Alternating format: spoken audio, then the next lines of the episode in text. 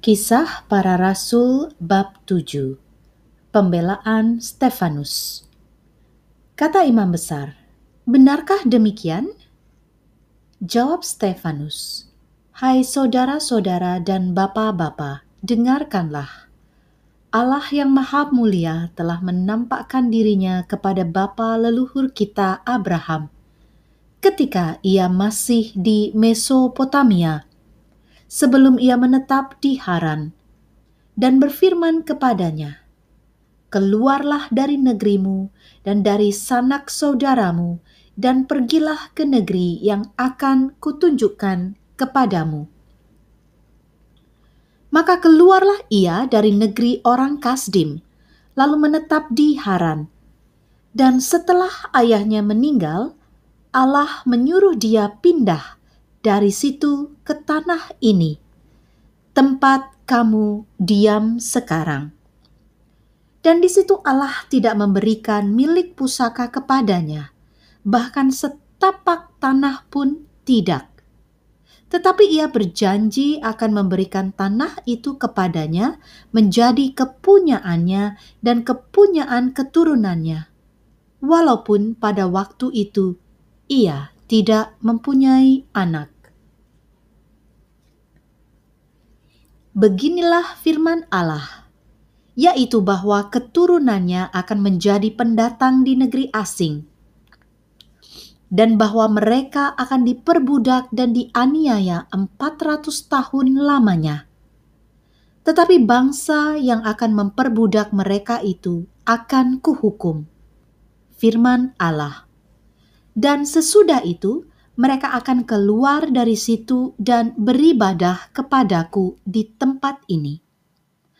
Lalu Allah memberikan kepadanya perjanjian sunat dan demikianlah Abraham memperanakkan Ishak, lalu menyunatkannya pada hari yang kedelapan. Dan Ishak memperanakkan Yakub. Dan Yakub memperanakkan kedua belas bapa leluhur kita. Karena iri hati, bapa-bapa leluhur kita menjual Yusuf ke tanah Mesir. Tetapi Allah menyertai dia dan melepaskannya dari segala penindasan, serta menganugerahkan kepadanya kasih karunia dan hikmat. Ketika ia menghadap Firaun, raja Mesir, Firaun mengangkatnya menjadi kuasa atas tanah Mesir dan atas seluruh istananya. Maka datanglah bahaya kelaparan menimpa seluruh tanah Mesir dan tanah Kanaan serta penderitaan yang besar, sehingga nenek moyang kita tidak mendapat makanan. Tetapi ketika Yakub mendengar bahwa di tanah Mesir ada gandum, ia menyuruh nenek moyang kita ke sana. Itulah kunjungan mereka yang pertama. Pada kunjungan mereka yang kedua, Yusuf memperkenalkan dirinya kepada saudara-saudaranya Lalu ketahuanlah asal-usul Yusuf kepada Firaun. Kemudian Yusuf menyuruh menjemput Yakub ayahnya dan semua sanak saudaranya 75 jiwa banyaknya. Lalu pergilah Yakub ke tanah Mesir. Di situ ia meninggal. Ia dan nenek moyang kita, mayat mereka dipindahkan ke Sikem dan diletakkan di dalam kuburan yang telah dibeli Abraham dengan sejumlah uang perak dari anak-anak Hemor di Sikem. Tetapi makin dekat genapnya janji yang diberikan Allah kepada Abraham, makin bertambah banyaklah bangsa itu di Mesir.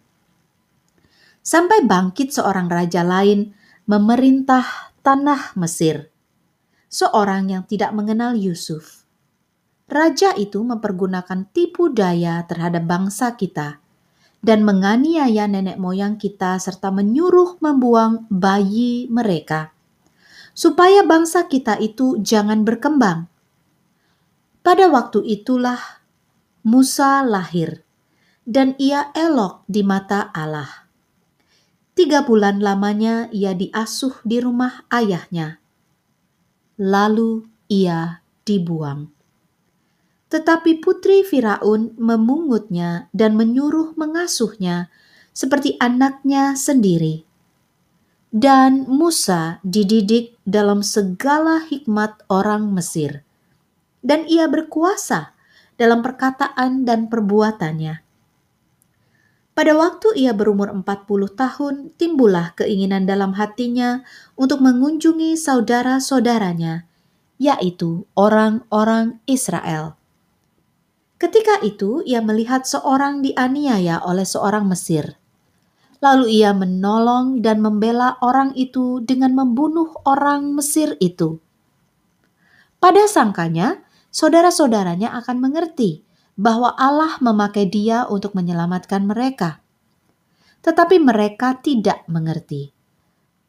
Pada keesokan harinya, ia muncul pula ketika dua orang Israel sedang berkelahi.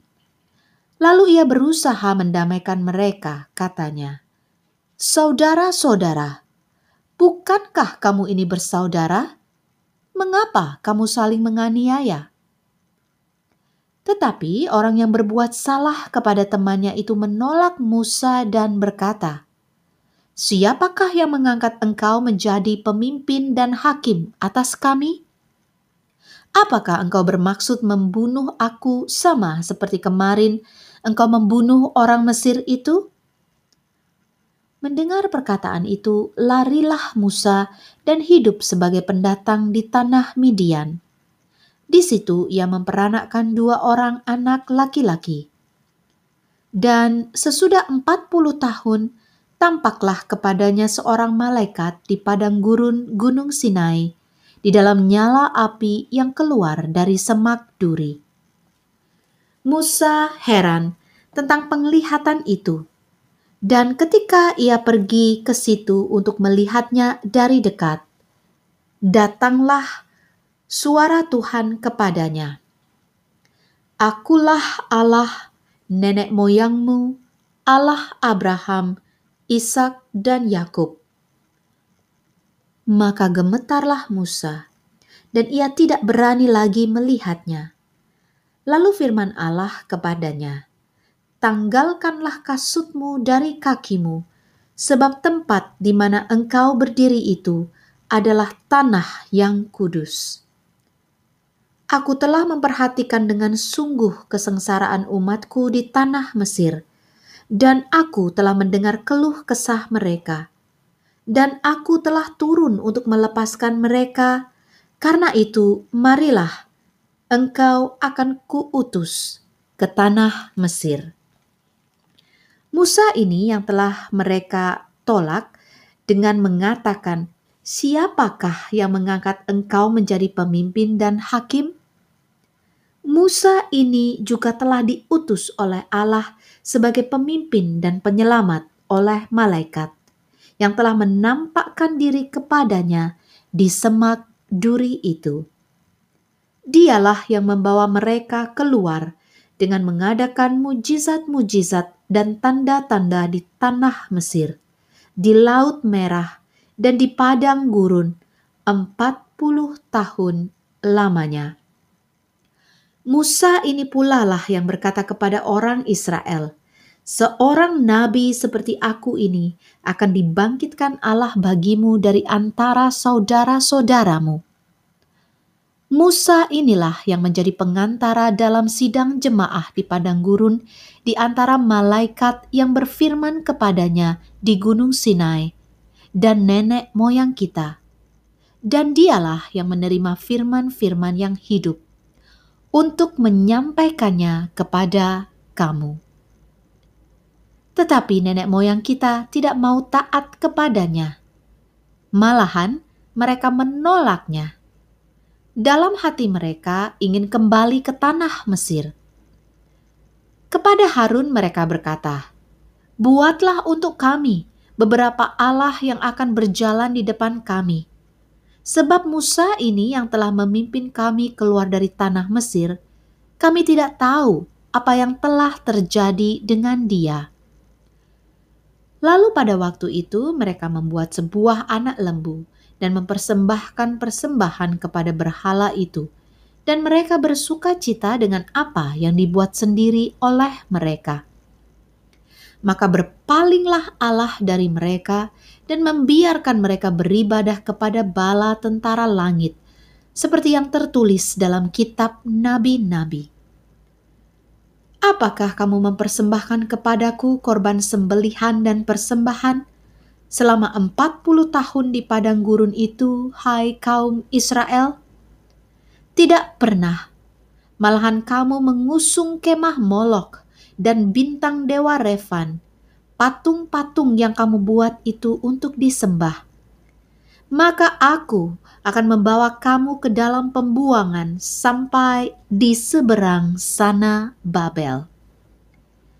Kemah kesaksian ada pada nenek moyang kita di padang gurun, seperti yang diperintahkan Allah kepada Musa untuk membuatnya menurut contoh yang telah dilihatnya.